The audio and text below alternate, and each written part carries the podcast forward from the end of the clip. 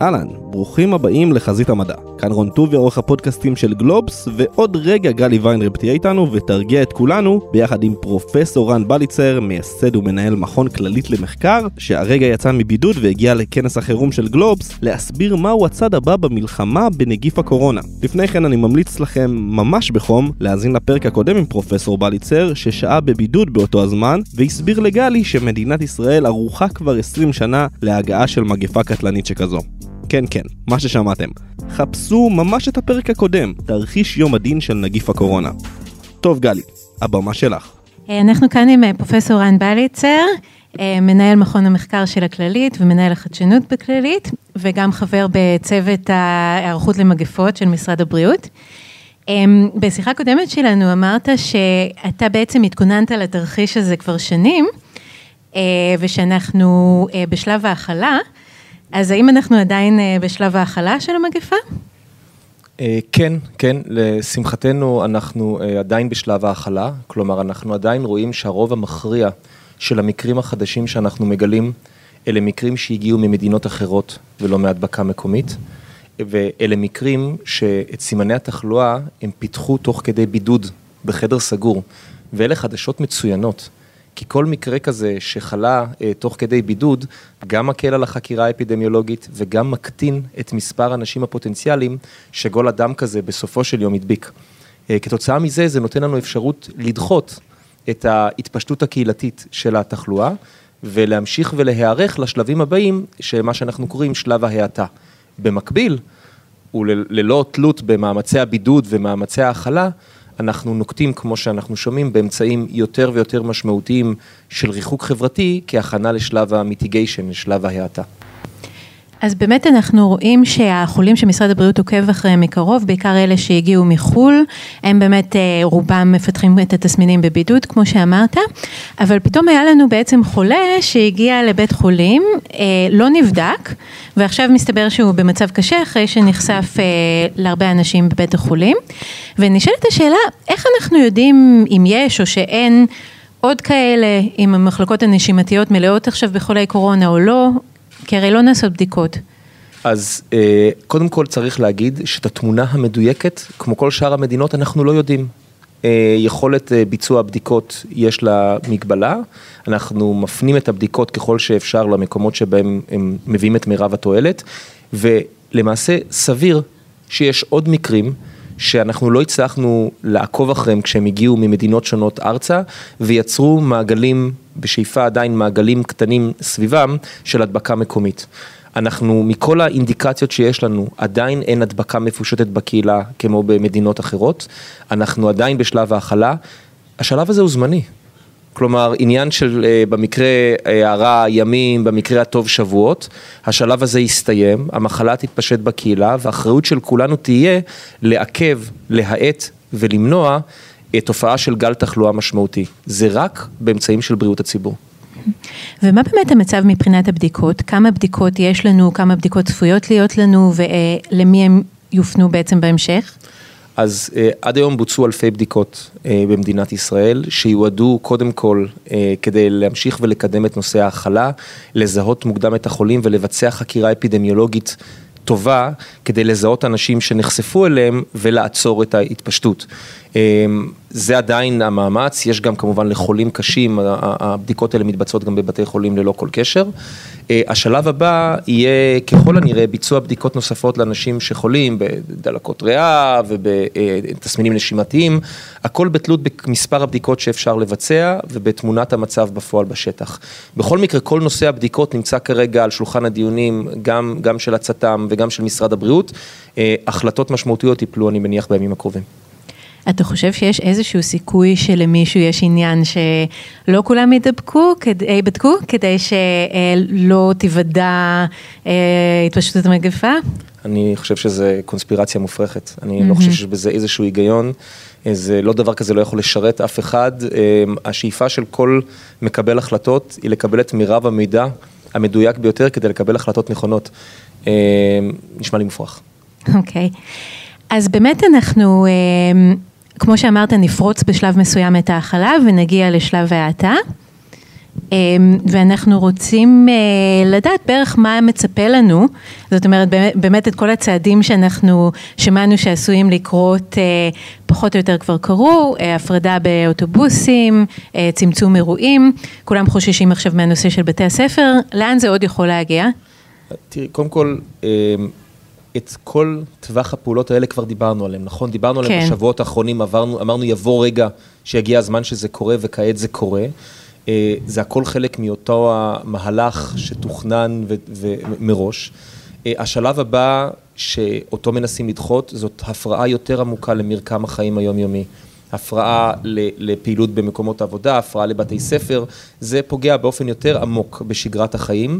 ופה מגיע אותו האיזון, אותו המינון, אותו האתגר הכי גדול של מקבלי החלטות, איך אתה ממנן בין אה, סיכון לבריאות הציבור לבין פגיעה בפעילות המשק.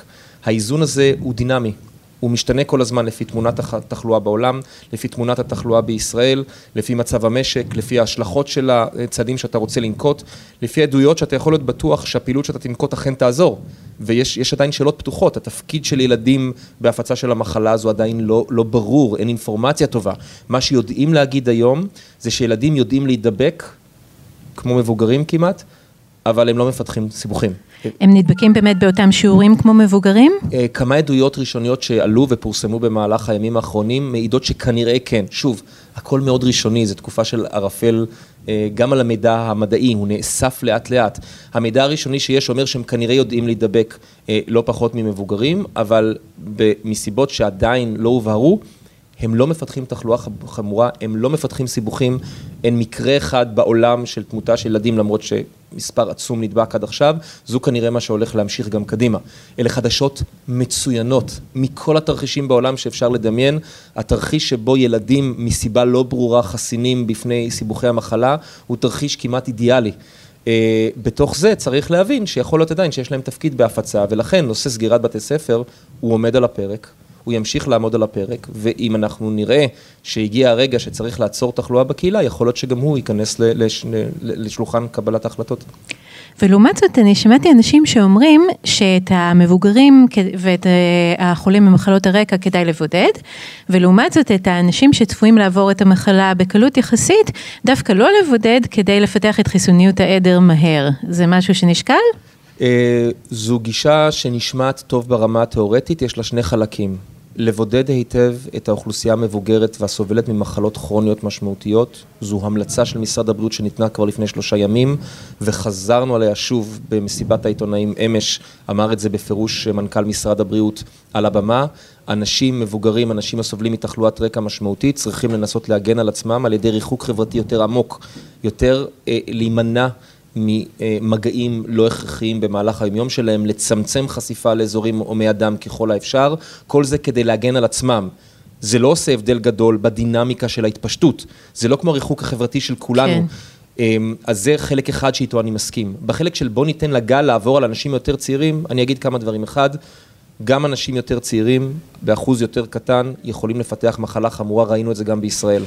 אז אני ממש לא ממליץ לייצר איזשהו גל עצום של תחלואה בצעירים. דבר שני, הבידוד של, הקש... של האנשים המבוגרים יותר הוא לא בידוד הרמטי. כן. זאת אומרת שאם אני אגרום לגל תחלואה עצום בצעירים, כתוצאה מזה גם הם יידבקו, גם הם ינזקו, זו ממש לא אסטרטגיה שהוכיחה את עצמה באף מקום. אם מישהו חושב שזה רעיון טוב, אני חושב שהוא טועה. ואנחנו יודעים אם אה, כשאדם צעיר אה, או חצי צעיר עובר את המחלה ויוצא ממנה, אם נשאר לו איזשהו נזק אחרי כן? אין אה, עד היום שום עדות לדבר כזה, לא מהסארס שהיה לפני 15 שנה ולא מהאירוע הנוכחי, אז זו לא הנחת היסוד. עכשיו לגבי בדיקות, נותנים הרבה את הדוגמה של דרום קוריאה, שהפכו את הבדיקות למאוד מאוד זמינות, ולכן הם בעצם אה, שולטים בתחלואה, למרות שהם נקטו לכאורה בצעדי בידוד פחות חמורים. אז נשאלת השאלה, א', איך יש להם כל כך הרבה בדיקות ולנו אין, וגם אה, אם זאת איזושהי אסטרטגיה, באמת להפוך את הבדיקות למאוד מאוד זמינות, אתה תקום בבוקר, תבדוק את עצמך, אם אין לך קורונה תצא מהבית, ואז בעצם נוכל להמשיך בשגרת חיינו.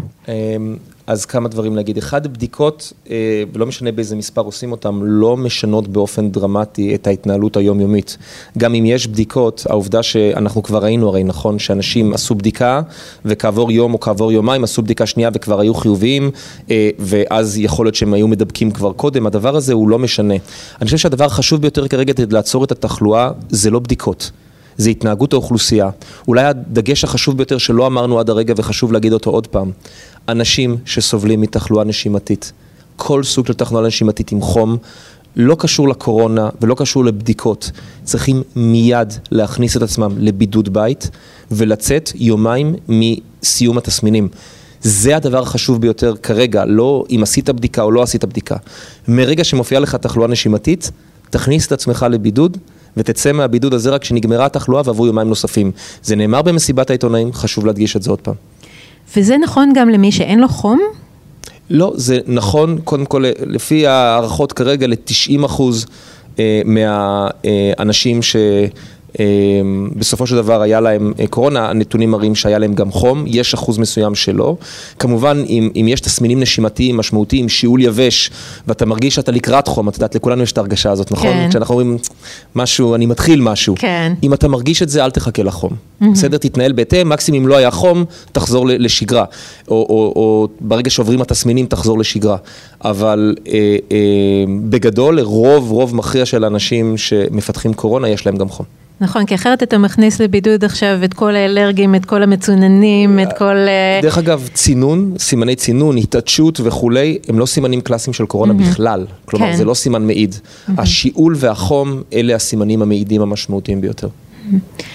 איך אתה מתרשם מהמצב של בתי החולים כרגע, שהם uh, בעצם קולטים את uh, החולים עם הקורונה, הם בעצם הקצו צוות מיוחד uh, להתמודד עם הקורונה, אני מניחה שההתמודדות היא במידה מסוימת איטית יותר, כי זה משהו שהם צריכים uh, ללמוד על הדרך, והם בעצם חסרים במחלקות האחרות.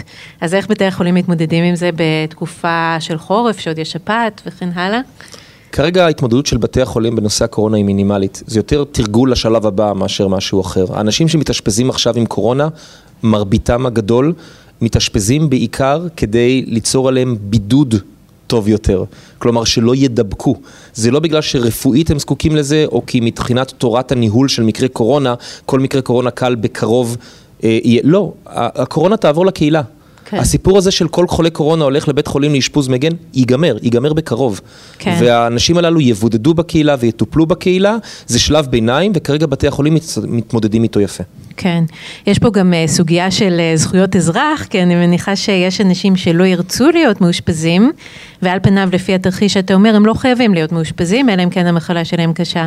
Uh, בתרח... בהמשך, כן. כשאנחנו נפסיק לאשפז את החולים ונאשפז אותם בבית, כן. הם יצטרכו לשמור על בידוד בית מאוד מאוד הדוק ומאוד מאוד מוקפד, וכבר ניצנים ראשונים כבר קורים, אנשים כבר התחילו להתאשפז בקהילה, כבר יש לפחות שניים שלושה מקרים כאלה שכבר נמצאים ויהיו עוד, ככל שהקהילה תמשיך ותפתח ותיערך לשלב הזה, אנחנו נראה יותר ויותר חולי קורונה מאושפזים, אה, מטופלים ברמת הקהילה, ורק הקצה, רק המקרים החמורים, המקרים שכן הסתבכו, שכמו שאנחנו יודעים זה עדיין שיעור קטן, בסדר? רוב האנשים שיחלו בקורונה יעברו אותה בשלום וללא שיירים.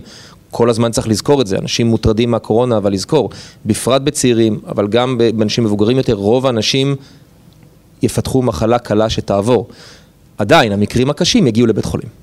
מאיזה כמות של חולים אתה חושב שהעומס על מערכת הבריאות יהיה כזה שאנשים יתחילו לקבל טיפול אה, לא מוצלח? אז, אז זה נורא תלוי, כן? כן? כי זה תלוי, המספר הוא שונה כשאתה מדבר על מספר חולים סך הכל לאשפוז, כן. לבין מספר חולים שצריכים טיפול מוגבר, mm-hmm. לבין מספר חולים שצריכים טיפול נמרץ, לבין כן. מספר חולים שצריכים הנשמה.